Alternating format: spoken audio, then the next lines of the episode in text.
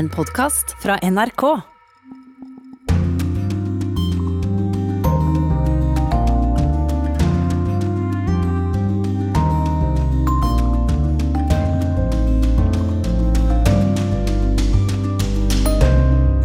Velkommen til denne utgaven av Urix på lørdag. Vi skal snart høre siste nytt om transportkrisen i Storbritannia. Det skal handle mye om energi i denne sendingen, ikke minst om atomkraft. Og vi skal snakke om kryptovaluta. Ukens brev er fra Sissel Wold, og det handler om hennes moralske kvaler i møte med en IS-kriger. I sendingen får du også podkasten Krig og fred, så følg med. Gry Blekastad Almås, du er vår korrespondent i Storbritannia, og nå er det da bestemt at hæren skal settes inn for å transportere drivstoff. Og det er snakk om 100 sjåfører. Vil det være nok? Ja, om det vil være nok, eh, er jeg usikker på, men at det er et eh, kjærkomment bidrag nå, det er jeg ikke i tvil om. Og Det er også det bransjen sier, at eh, det er viktig å få disse sjåførene på veien nå, for å få levert bensin til alle de stasjonene som fortsatt mangler drivstoff. Og Det er ganske mange, og særlig i London og sørøstområdet av England. Og så er det noe bedre nordover i landet og i, i Skottland. Så det er litt ujevnt fordelt, denne krisen. Men i det området hvor jeg befinner meg nå, så er det ganske desperat situasjon og ganske alvorlige konsekvenser. Jeg hørte akkurat fra en omsorgsarbeider som fortalte at eh, mange av hennes kolleger ikke kommer seg på jobb fordi de ikke har drivstoff til bilene sine. Og det igjen gjør jo at eh, de som kommer seg på jobb, må jobbe dobbelt, og at mange eh, som trenger pleie, ikke får det. Har du selv fått eh, kjøpt drivstoff? Du er litt avhengig av å bruke bil i jobben din? Ja, akkurat nå eh, står jeg og fyller bensin, faktisk. Eh, fordi vi er på vei nordover. Eh, og jeg er ti mil nord for London nå. Og er kommet til den første bensinstasjonen vi har sett på veien som har, eh, ha, har bensin. Så nå får jeg lov til å fylle inntil 30 pund eh, med bensin på tanken. Det har stått skilt eh, langs veien på de andre bensinstasjonene vi har passert om at de ikke har bensin. Og i London har det vært så å si umulig å finne bensin eh, den siste uka. Gry, du er nå på vei til Manchester for å dekke landsmøtet til Toryene, altså det er partiet til statsminister Boris Johnson. Vil han få kritikk fra sine egne nå? Jeg tipper at dette blir et uh, av temaene som skal diskuteres der. Og kritikken har vært ganske massiv fra opposisjonen uh, og fra uh, bransjen og fra folk flest. og Det konservative partiet er et stort parti med politikere fra mange forskjellige, med mange forskjellige meninger. Så det blir nok helt sikkert også intern kritikk mot statsminister Boris Johnson på dette landsmøtet, ja. Takk til deg, Gry Blekastad Almås. Og vi skal høre mer fra deg, for nå skal det dreie seg om energi. Vår eh, korrespondent i Storbritannia har besøkt stedet der en ny kullgruve skal bli satt i drift. Altså ikke lagt ned, men bli satt i drift. I think it's there, but I'm not sure. Get your map out. Kartet må frem når tomta for en planlagt ny kullgruve skal oppsøkes. Vi møter våre lokale guider ved en gammel, nedlagt kullgruve på den vakre vestkysten langt nord i England, rett ved nasjonalparken Lake District. Området her ved kysten er preget av at storhetstiden ble et tilbakelagt stadium da kulldriften stengte ned på midten av 80-tallet this fence here is the old march on side.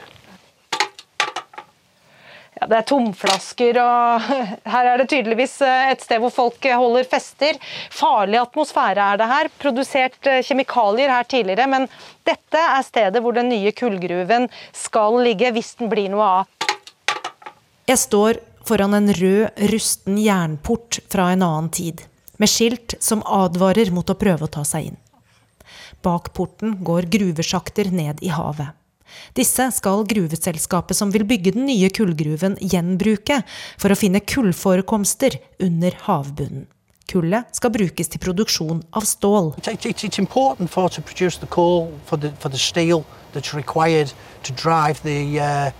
You know, the green technologies that we need, need to, to address climate change in the future, it's vitally important to the local economy and, and, and for jobs.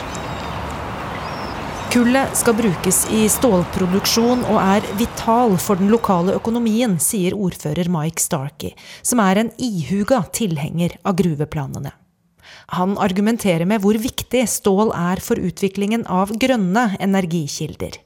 Hvordan bygger man vindmøller uten stål, f.eks.?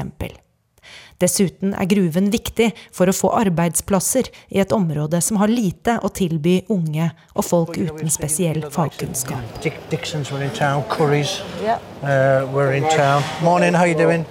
Ordfører Starkey tar oss med rundt i byen. Viser oss alle de nedlagte butikkene, alle lokalene som er til leie, gatene som er fulle av gamle mennesker. De har ventet på en opptur her i årevis, men den har uteblitt. Gruven gir folk håp, sier Greg Bray, som sitter på trappa utenfor huset sitt i byen. Whitehaven's a, a depressed town, and the coal mine promises 500 new jobs. So I think it's you know difficult to expect local people to be against the coal mine. Storbritannia er vertskap for FNs klimatoppmøte i november. Statsminister Boris Johnson skal overtale verdens rikeste til å betale for at verdens fattige klimasyndere kan bli grønnere. Han skal sørge for at ledere forplikter seg til å begrense den globale oppvarmingen. Samtidig planlegges altså en ny kullgruve på hjemmebane. Den britiske statsministeren fikk kritikk for at han ikke grep inn før lokale myndigheter godkjente gruveplanene. Men kritikken ble til slutt så massiv at planene er midlertidig stanset. Nå pågår en høring, og på nyåret skal regjeringen bestemme om gruven blir noe av eller ikke. Langs kyststien der gruven skal ligge, peker de som har vist oss rundt, mot sør. Rett bak åsen ligger atomavfallsanlegget Sellafield. Det lagrer store mengder radioaktivt avfall i havet rett utenfor, og like ved stedet der det skal utvinnes kull. Det bekymrer Irene Sanderson i aktivistgruppa Et strålefritt Lakeland. We have added risks the Sellafield site, where 140 tons, I believe at the last count, of plutonium is stored. Plutonium is highly volatile, extremely toxic, the most toxic substance on this planet. Any disturbance of this containment would be very worrying.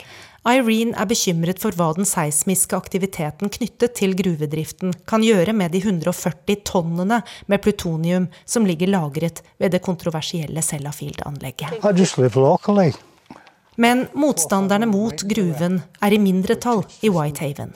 Folk støtter ordførerens kamp for den nye kullgruven.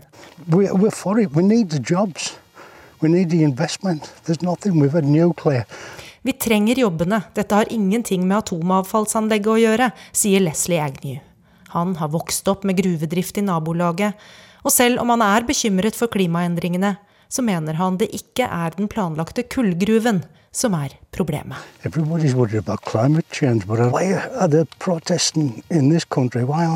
Change, and India and the ones that are actually doing it? And I think we're, we're trying. We're trying. Ja, vi hørte fra Gry Blekastad Almås. Og jeg ønsker velkommen til deg, Ole Reistad fra Institutt for energiteknikk. Takk. Du ble altså Norges siste reaktorsjef. Da reaktoren på Kjeller ble lagt ned, så var jo allerede den i Halden stengt. Nå er det mange her i Norge og i Europa som ønsker at vi skal satse på atomkraft igjen. Tror du, tror du det kommer nye reaktorsjefer her i Norge? Kjernekraft i Norge krever nok at eh, hele samfunnet er innforstått og rede for dette. Fra høyskoler til universitet, forskningsmiljøer eh, og det politiske Norge. Og la oss si at dette er 10-15 år unna, og så skal vi sette premisset for en energiforsyning i 60 år til. Eh, så det skjer ikke. Dermed forblir nok jeg den siste i overskuelig framtid. Er det sånn det at eh, selv om alle hadde hatt lyst til at vi skulle bygge atomkraftverk i Norge eller Danmark eller Sverige igjen, så, det, så går det ikke, for ingen vil ha det i nærheten av seg?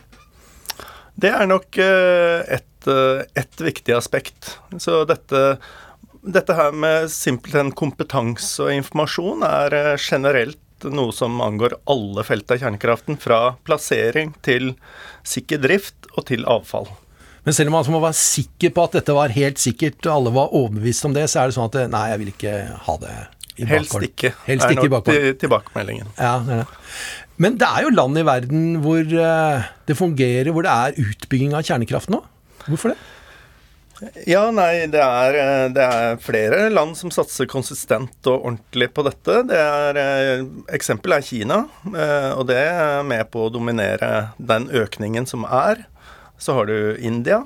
eh, Så har du jo også Russland, som, eh, som både direkte og indirekte via andre land er en viktig aktør. Er det sånn at eh, land hvor det er litt sånn svakt demokrati, at det er liksom enklere å bare ja, Du skal ha atomkraft i bakgården din, og det skal du bare akseptere. Er det liksom enklere?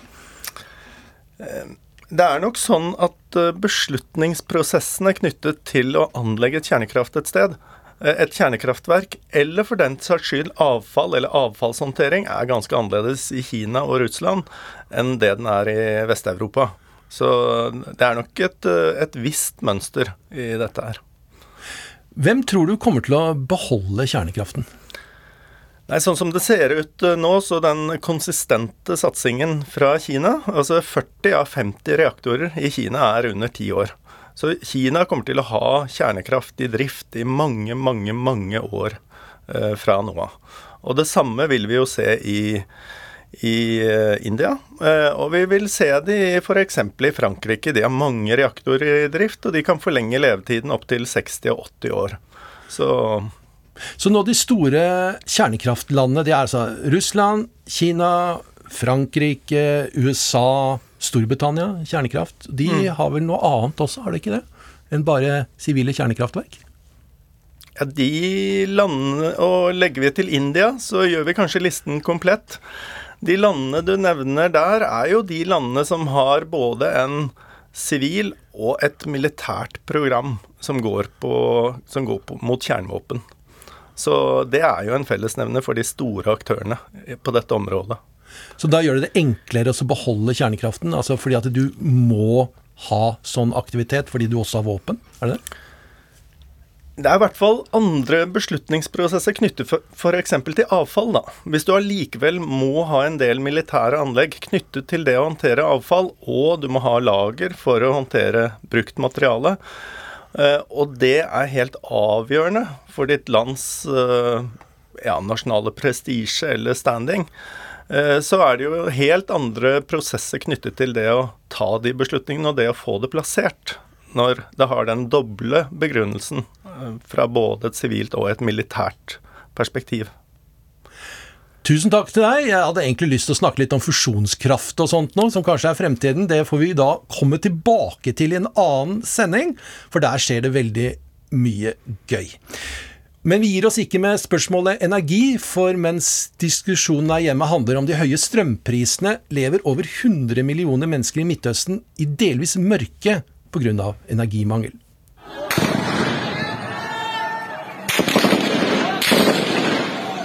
Det er soldater som skyter mot demonstranter i byen Aden sør i Jemen. Folk her er misfornøyd med bl.a. mangel på strøm. وضع الكهرباء في اليمن آه، اليوم وضع سيء جدا بل تكاد Det finnes nesten ikke strøm i Jemen i dag. Før krigen hadde vi en del problemer, men nå er strømmen helt borte i store deler av landet. Det forteller Tawfiq al-Hamidi. Han er advokat og menneskerettighetsaktivist på telefon til NRK. Men det er ikke bare i Jemen strømmen er et problem. Over 100 millioner mennesker sliter med strømmangel i Midtøsten. I Syrias hovedstad Damaskus har myndighetene bestemt at butikkene må stenge etter klokka ni for å spare strøm.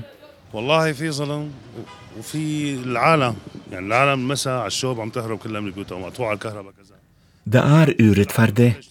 Folk holder seg inne pga. varmen, og når de endelig skal ut for å handle, blir vi nødt til å stenge. Det forteller en butikkeier i Damaskus til NRK. Situasjonen er mer kritisk i Libanon. De siste 30 årene har landet brukt over 400 milliarder norske kroner uten å lykkes med å få stabil produksjon av strøm. I Libanon er situasjonen dårlig nå. Problemene er mange, bl.a. med dårlig energistyring. Det forteller Yahya Maulud. Han er elektroingeniør og politisk aktivist på telefon fra Beirut.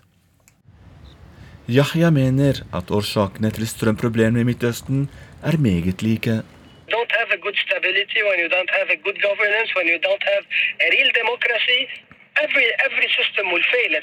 Når det er mangel på stabilitet, god styring og demokrati, alle systemene vil feile, forteller Yahya Maulud til NRK.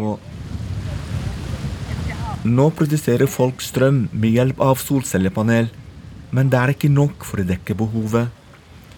Det arbeides med flere strømprosjekter, men flere av disse prosjektene blir utsatt pga. de forskjellige konfliktene i Midtøsten.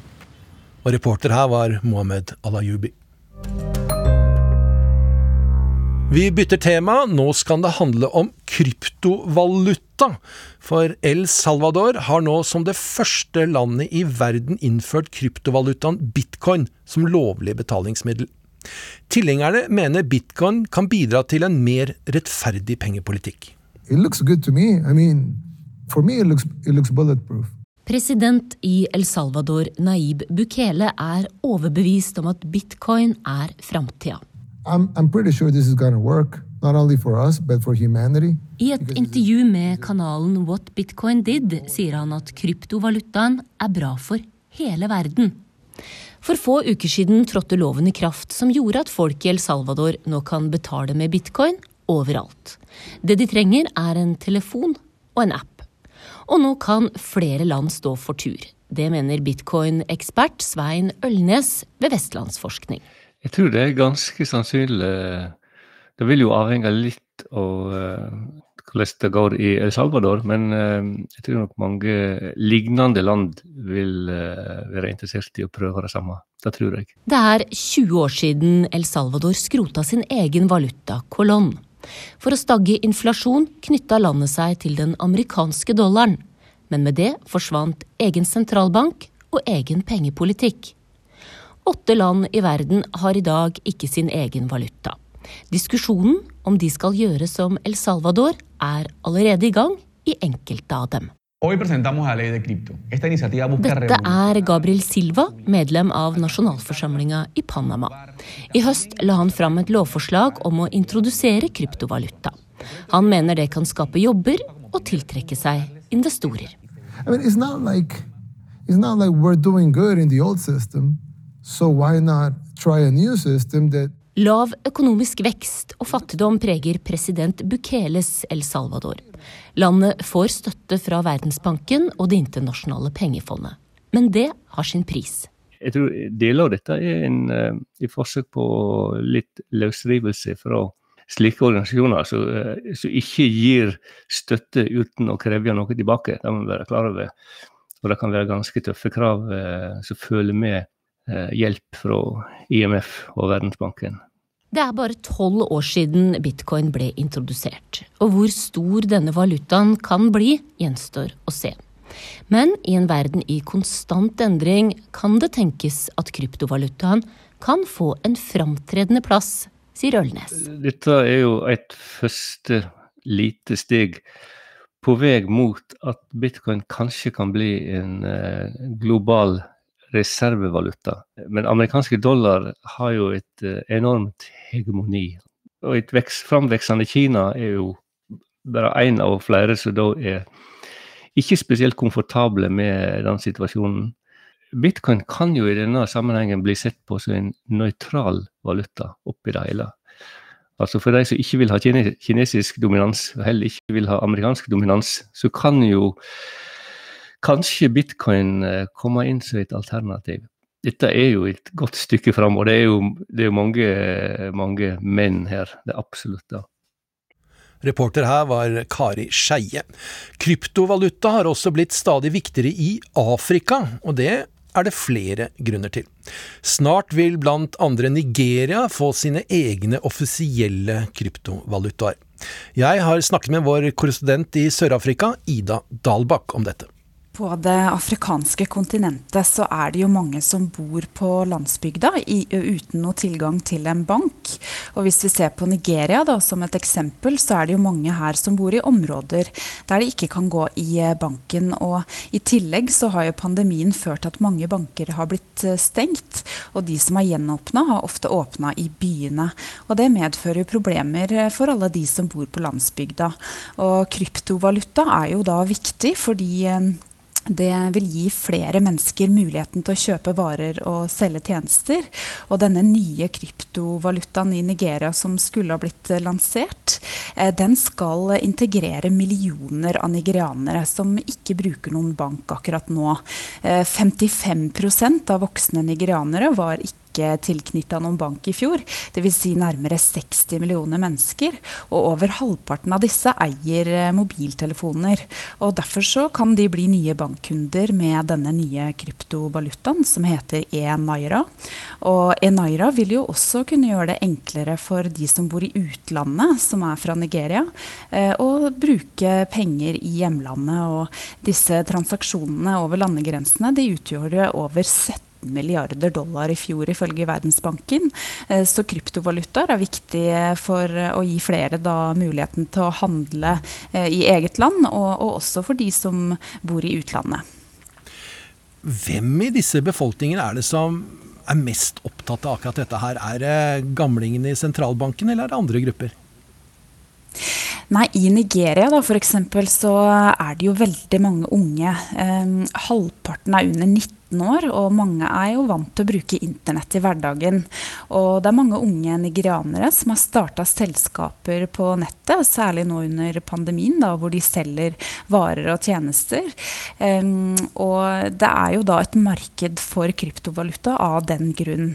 Fordi at mange har blitt vant til å bruke mer internett i hverdagen, og som ønsker å bruke slike digitale løsninger eh, framover.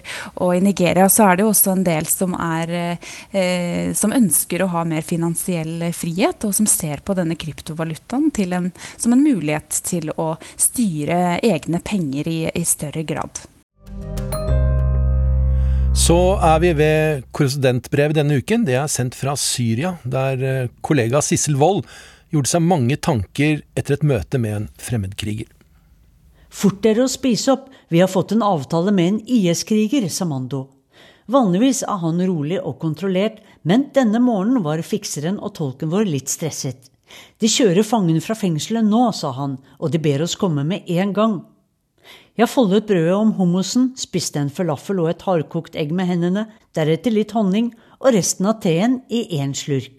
Vi satte oss i bilen, spente på hva slags fremmedkriger den kurdiske etterretningen hadde funnet frem til oss her i Syria.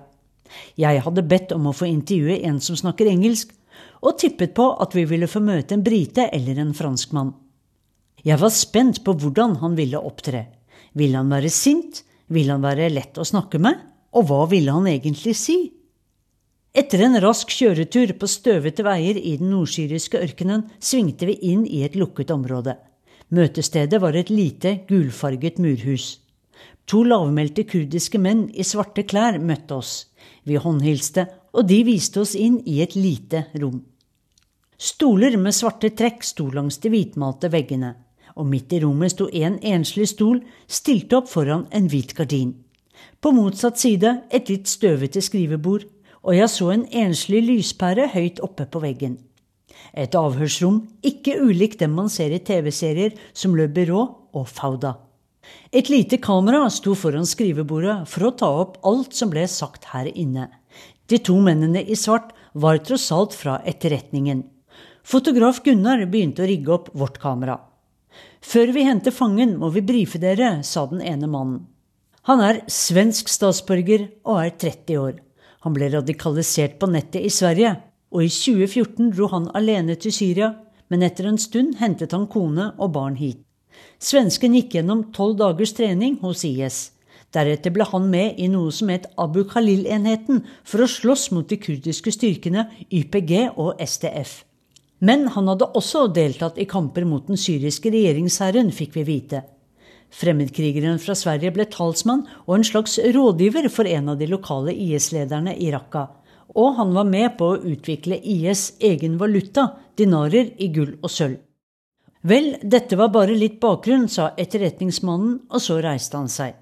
I døråpningen skimtet jeg først en skygge som beveget seg sakte. Hadde han fotlenker? Jeg reiste meg for å hilse og var veldig spent.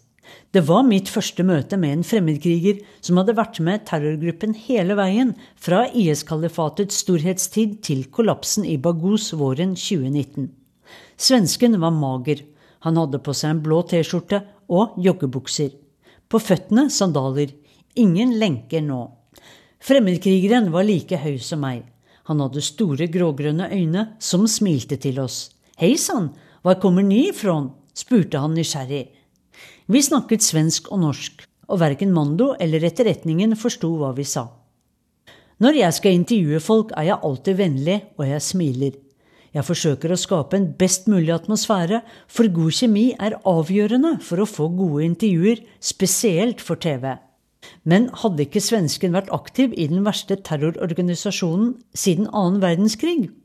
Jeg er jo ikke her for å være forhørsdommer, sa jeg til meg selv.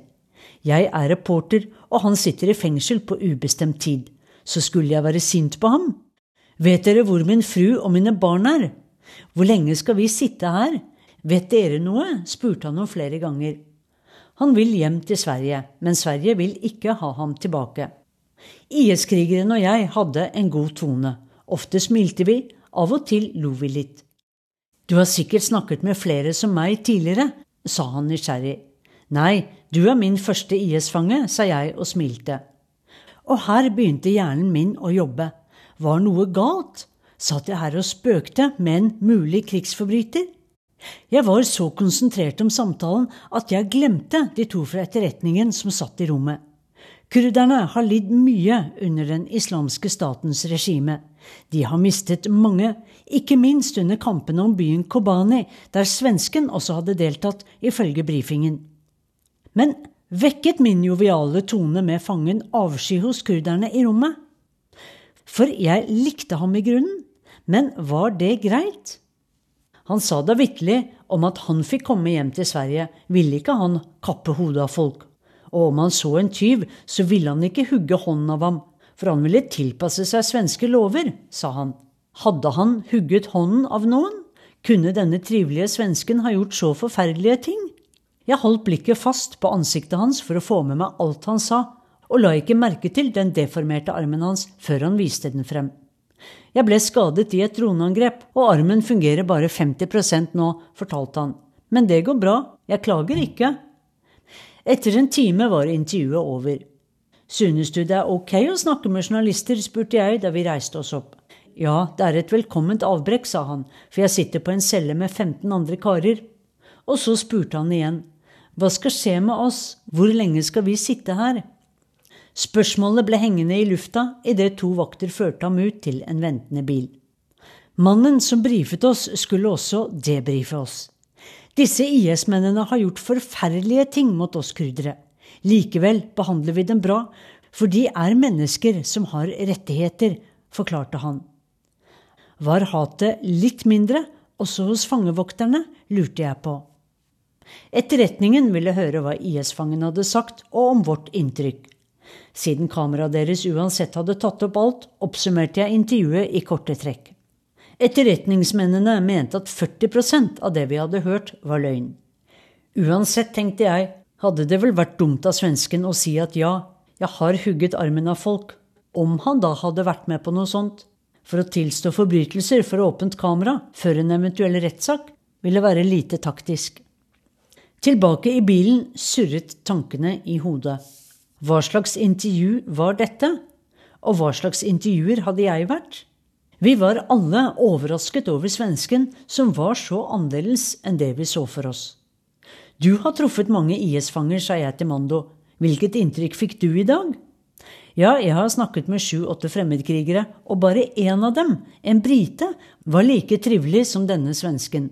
Alle de andre var frustrerte og sinte, flere var aggressive mot oss, svarte Mando. Tilbake i Istanbul hører jeg på intervjuet nok en gang og gremme meg over at jeg var så hyggelig og blid. Men igjen, vi journalister skal da oppføre oss som folk mot alle. Ikke sant?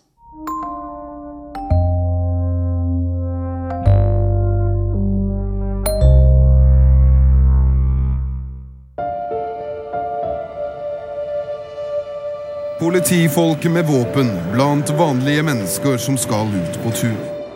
Ingen skal passere sikkerhetskontrollen på Gardermoen uten å ha minst ett par politiøyne rettet mot seg. Og i dag har Luftfartsverket skjerpet sikkerhetskravene ytterligere. Terrorangrepene i New York og Washington får følger også her hjemme.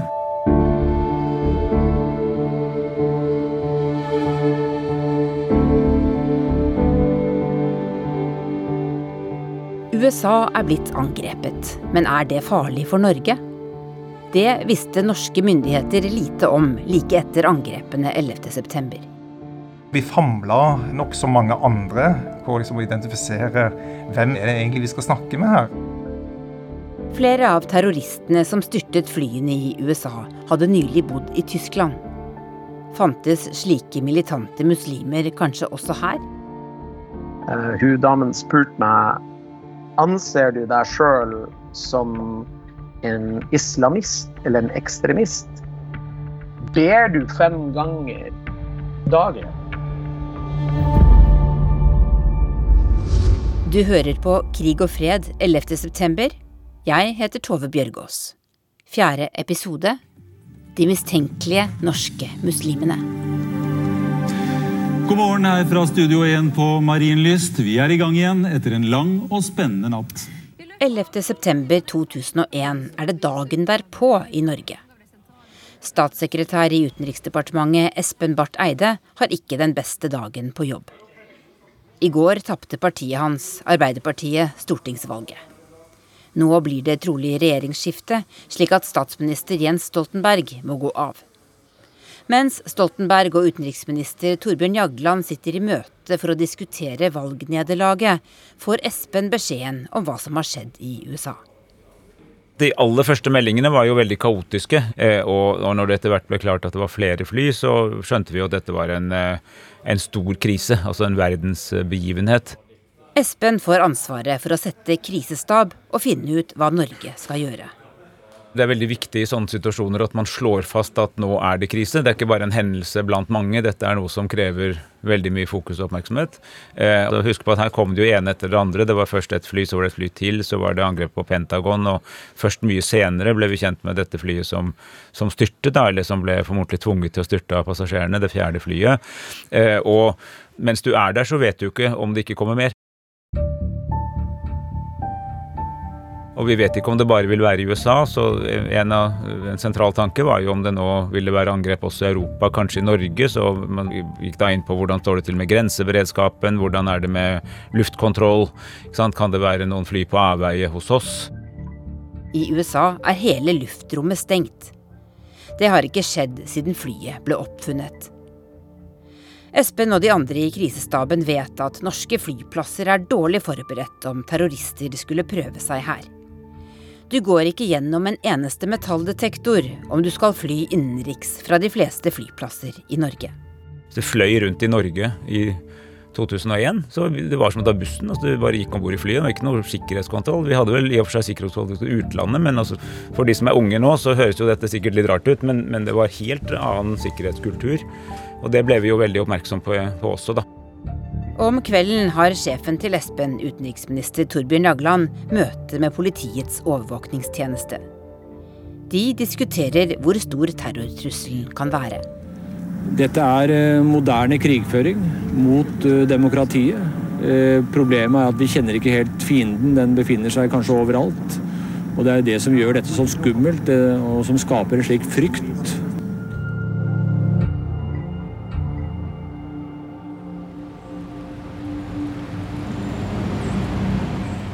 Politiets overvåkningstjeneste, POT, holder i 2001 til i de øverste etasjene i politihuset på Grønland i Oslo.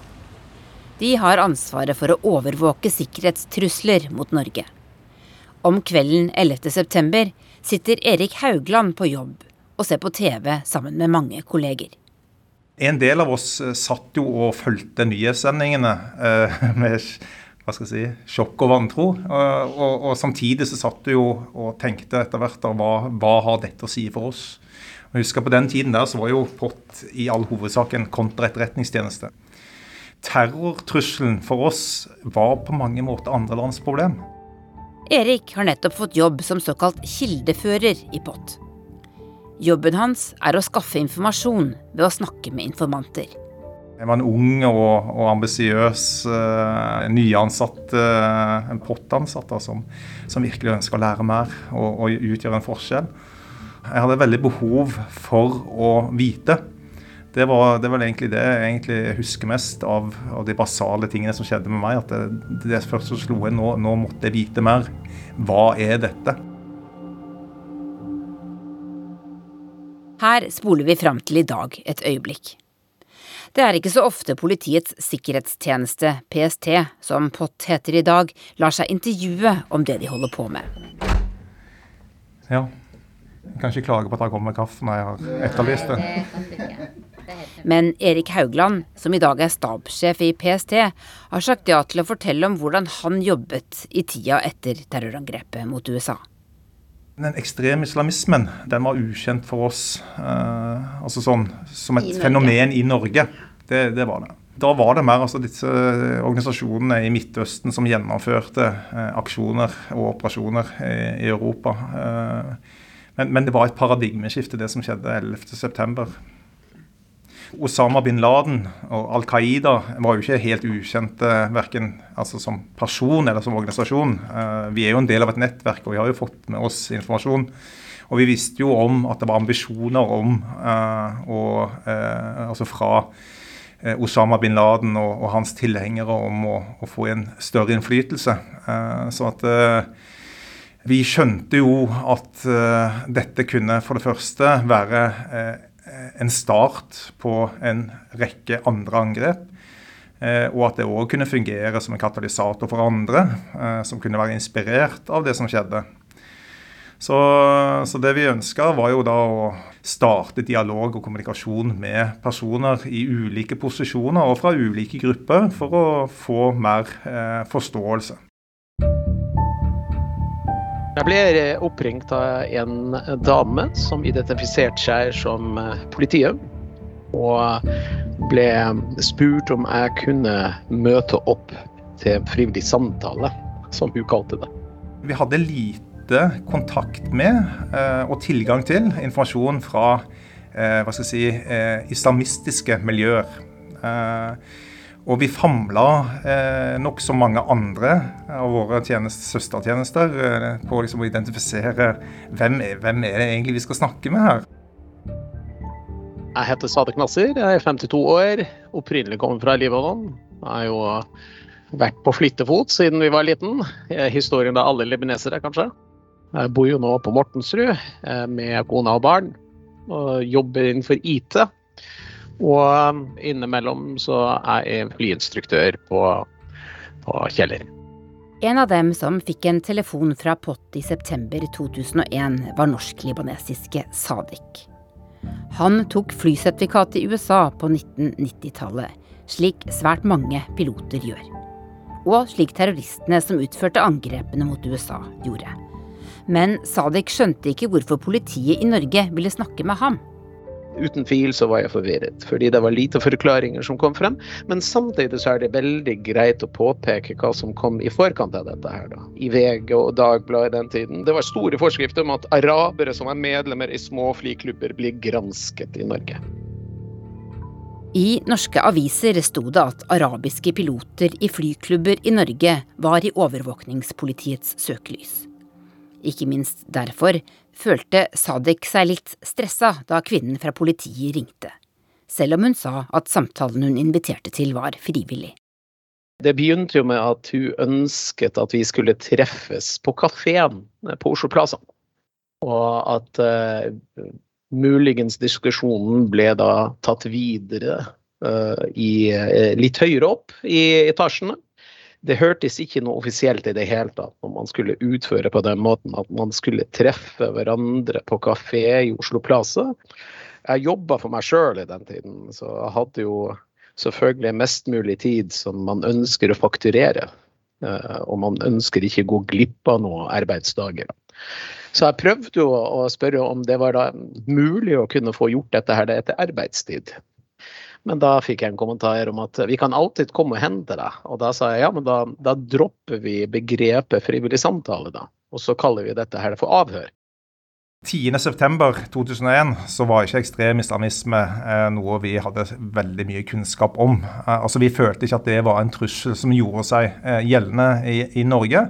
Og da tror jeg at man da eh, etter beste evne forsøkte å starte den kartleggingen. Hvor er det vi kan få den type informasjon? Hvem kan hjelpe oss i å identifisere hvorvidt vi har den type strømninger og den type sympatier i Norge? Og Da ble det gjort et forsøksvis kvalitativt utvalg av personer man skulle ha frivillige samtaler med på nøytral grunn. Det var ikke, altså I de fleste tilfeller, i alle fall når dette var hensikten, så valgte man da å, å prøve å finne eh, steder som, eh, som ble opplevd som nøytral grunn. Altså det å kalle folk inn til politihuset på Grønland og gå opp, eh, ta heisen opp til de øverste etasjene bak en, eh, en koda dør, kan nok oppleves voldsomt når hensikten med samtalen er altså en frivillig samtale og, og et ønske om bistand. Så hvor hadde dere samtaler? Nei, Da er ulike steder man kan gjennomføre den type samtaler på.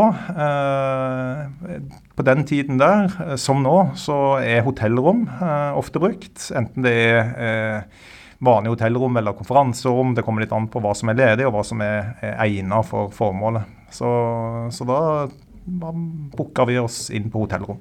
Oslo Plaza? Det kan nok ha vært et av de. Uh, ja, flere hoteller, egentlig. Det var jo der det var ledig. Der vi hadde mulighet, og som var egnet. Men, uh, men Oslo Plaza er egnet, og det er flere andre hoteller også som blir brukt. Men jeg følte i hvert fall at dette var lite offisielt, og jeg ønsket å gjøre dette så offisielt som mulig. Jeg kontakta en eh, bekjent, en advokat som jeg hadde tidligere kontakt med i forbindelse med andre ting, og spurte om, om jeg skulle møte opp. Og da sa han greit nok, men jeg, jeg velger å være med. Så vi møtte opp uh, på politiet i Grønland politistasjonen der borte. Og det viste seg at de som identifiserte seg tidligere som politiet, de var jo da eh, ikke direkte fra politiet, de var jo da relatert til politi- og overvåkningstjeneste i den tiden, som det het. Sadik krevde også å få ta opp samtalene med overvåkningspolitiet. Lydopptaket ble delt med NRK og sendt i en radioreportasje i september 2001.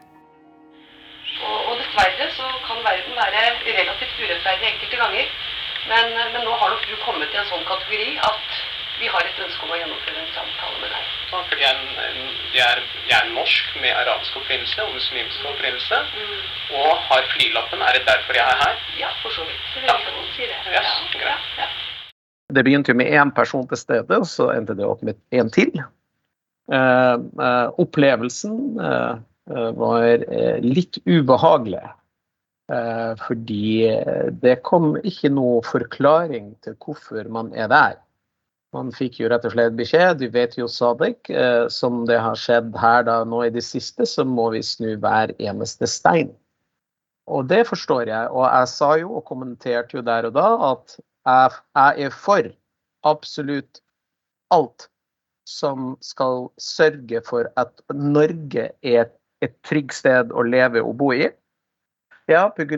den eh, litt uheldige situasjonen som du, vi har havnet oppi, så må vi snu hver eneste stein. Greit nok, men jeg spurte en gang til hvorfor jeg har blitt valgt eh, eh, som en del av den prosessen. Og jeg, jeg, kommer til å godta, og det påpekte jeg, jeg kommer til å godta uansett hva slags forklaring, men så lenge det er en forklaring som kan få meg til å, uh, til å få litt ro i kjelen. Uh, det føltes litt urettferdig, uh, urettferdig hvorfor jeg har blitt valgt ut.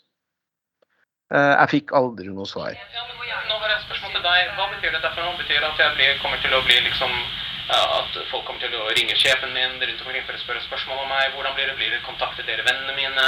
Betyr det at du kommer til å avlytte telefonen min etterfølgt? Hva betyr dette her for noe?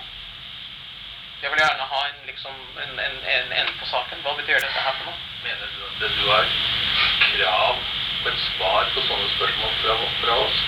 Uh, ja. ja. Ja, selvfølgelig. Ja. Skal jeg si det ærlig, det får du aldri. Du får aldri vite hva vi gjør. Og den måten vi avsluttet diskusjonen på eh, Jeg spurte jo rett og slett eh, rett ut eh, to ganger. Nå har jeg vært samarbeidsvillig og har møtt opp når jeg blir bedt om det. Hva vil det bety videre? Kommer jeg til å bli overvåka? Kommer dere til å kontakte sjefen min på jobben, kolleger osv. osv.? Og jeg husker at han sa til meg mener du at du har krav på å vite det fra oss? Så jeg ja. Og da sa han det kommer du aldri til å få vite, gutten min, sa han. Erik sier samtalene Pott kalte inn til var frivillige. Ja, de hadde et valg. Men om de opplevde selv at de ble gitt et valg Det er jo det jeg opplever litt sånn med tilbakemelding her, at noen følte at de ble mistenkeliggjort. Noen fikk problemer i ettertid. Uh, uh, og da tenker jeg at uh, de sannsynligvis kanskje ikke følte i like stor grad at dette var frivillig. Men jeg tror jo òg at dessverre, og det er òg følelser, da, jeg tror òg at man var veldig villig til å møte opp nettopp fordi man visste at mistenkeliggjøringen Man følte på en mistenkeliggjøring. Selv om, selv om Pott den gang ikke mistenkte deg eller deg men hvis dere hadde blitt kalt inn, så hadde dere sannsynligvis følt på det likevel.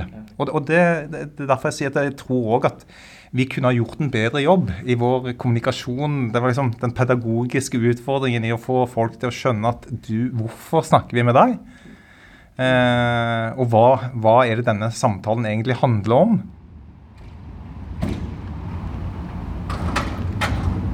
På flyplassen på Kjeller i Lillestrøm møter jeg en annen pilot. Sami Aspa elsker å fly. Der sitter vi i en eh,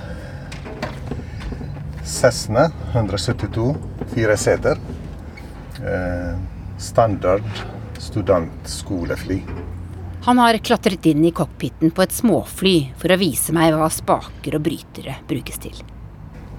Den er rattet. Eller kontroll den her, når du drar den tilbake, fly går opp. Du setter den frem, fly går ned. Og så lav hastighet. Der kan vi bruke flaps. This one. Denne gassen. Det er de enkle instrumentene. 11.9.2001 var Sami på ferie i Libanon. Da han kom hjem til Norge, ble han advart. Jeg har to venner som er flygere. Og de først jeg kom tilbake, så de ringte meg og de sa til meg du må forberede deg at du blir innkalt til uh, avhøring. Jeg sa hvor og hvem. De sa det er uh, i Oslo Plaza, i sentrum i Oslo. Og så de er sivilpoliti. De tror de at de er fra, fra USA. De tror det. Vi vet ikke, hvor de snakker bra engelsk og sånn.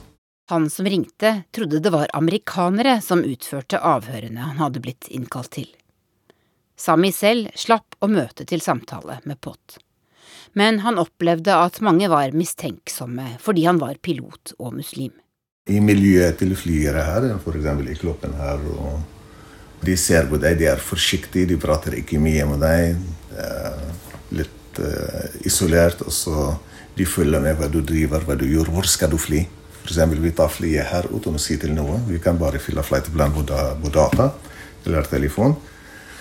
Og så ta nøkkel til flyet, gå til hangar, åpne hangar, ta flyet ut og flyr. Og så komme tilbake. Men i denne tida var alle de følger med hvor vi skal fly. Jeg husker en episode i Østerrike. En gang jeg landet i Østerrike. Så det var dårlig vær, så jeg var nødt til å lande. Så ta en pause der. Og så når de kom med vaktere til å møte oss fra flyet og ta oss til terminal Det er sånn spesielt gate vi går ut fra. Så han, han, tullet med oss, og han sa dere går fengs til fengsel nå. Da var jeg og en uh, kamerat i flyet. Første når jeg hørte Jeg var redd. Og så husket vi en gang, ikke sant, 11. september og sånn. Men han tullet med oss. Men egentlig, når han sa det, fordi jeg kjenner ikke han første gang jeg møter han, og så når han sa det, jeg var redd. Jeg har tatt det seriøst. Jeg fikk sånn panikk. Det mulig kan skje, ikke sant? Fordi to, to muslimer som har privatfly, kommer inn til å stryke lander, ikke sant? Når du fikk vite hva som skjedde på, på 11.9, var du overrasket over at terroristene klarte å utføre en aksjon? Nei. Fordi det har de gjort, hvem som helst kan gjøre. Fordi til å lære hvordan skal styre fly, store fly Hvis du er flink i mathematics, geometric, fysikk Og så språk, engelsk språk Det tar ikke med deg mer enn seks måneder trening. De 19 selvmordspilotene i USA 11.9 kom fra fire ulike land. En av dem var fra Libanon, slik som Sami og Sadek. Og flere av dem hadde trent i amerikanske flyklubber. Erik Haugland i PST mener det var naturlig at norsk overvåkningspoliti ville snakke med piloter med muslimsk bakgrunn etter terrorangrepene. Ja, jeg tenker det ville jo vært litt sånn tjenesteforsømmelse om man, om man bare var helt oblivious i forhold til uh, hva, hva, er, hva er det som har skjedd her. Uh, man, man, går inn i de miljøer og de uh, stedene hvor man føler at man har behov for å få en temperaturmåler. Fordi om man har startet en pilotutdannelse, så er det ikke dermed sagt at vi på det tidspunktet mistenkte noen av de for dette. Men, men, igjen så er det liksom OK. Har de erfart noe? Kjenner de til noe? Har de hørt om noe? Men Sadek Nasser opplevde at de som avhørte ham, hadde lite kunnskap. Hun damen spurte meg uh, anser du deg sjøl som en islamist eller en ekstremist. Uh, og da spurte jeg uh, hva definerer du, hvordan definerer du en ekstremist? Og da sa hun til meg ber du fem ganger daglig? Da sa jeg til henne mener du om jeg er en praktiserende muslim. Men du valgte feil begrep, ekstremist. Fordi her, så Hvis du mener at alle de som ber fem ganger daglig, som praktiserer islam i hodet ditt, er jo definert som ekstremister, så, så, så sitter du ikke med nok kompetanse til å forsvare det landet her, sa jeg.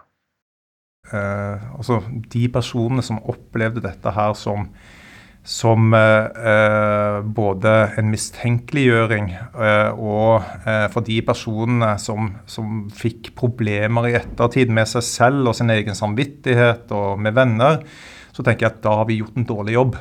Det, det må jeg bare si. For eh, det er en eh, god sånn eh, et viktig prinsipp for oss da, når vi gjennomfører frivillige samtaler med mennesker så skal eh, vi gå inn i den samtalen med ett mål for øye, og det er at vi skal etterlate oss et så godt inntrykk at folk har lyst til å snakke med oss igjen, og har lyst til å ta kontakt med oss dersom de har behov. Men jeg tror det viktigste av alt var at vi etablerte gode relasjoner etter hvert til flere eh, personer som, som, er representanter for eh, islamsk eh, eh, trossamfunn i, i Norge. Vi er jo en tjeneste nå med en helt annen eh, type kompetanse eh, enn vi hadde i, i 2001. I forkant av politiet-intervjuet så også ble jeg eh, oppringt av en god del venner som ønsket ikke å ha noe kontakt med meg i det hele tatt. De ønsket ikke å utsette seg sjøl for eh, muligens granskning. Så jeg mista en god del relasjoner den tiden der. Og jeg jobber fortsatt med å reparere ødelagte relasjoner etter 20 år. Og man er fortsatt hjemsøkt av, av de spøkelsene som har blitt skapt. Fordi vi er ikke mange libanesere her i Norge. Og selv om at man har jo integrert seg i det hverdagslige livet her i Norge, så er, man savner litt fortsatt av, av eh, relasjoner fra sitt hjemland.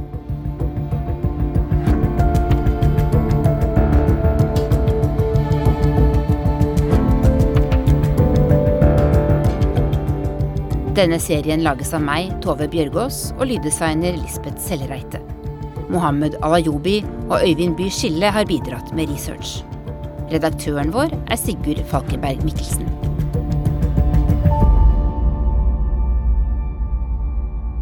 I neste episode 11. september startet en krig som varte i 20 år. Det første jeg så i kikkertsikte, var en afghaner som kom springende ned fjellsida rett mot meg. Jeg valgte jo selvfølgelig ikke å skyte, jeg så ikke noe våpen. Eh, han kom inn og var helt fortvila. Eh, han mente at Al Qaida hadde reist, eh, og at vi måtte passe på at vi ikke skada noen sivile. Men stanset krigen mot terror egentlig terror? Denne utgaven av Urix på lørdag er eh, over, men det fortsetter veldig mye bra programmer her på denne kanalen. Teknisk ansvarlig Bobo Bjørnskjold, produsent Arild Svalbjørg og i studio Halvard Sandberg.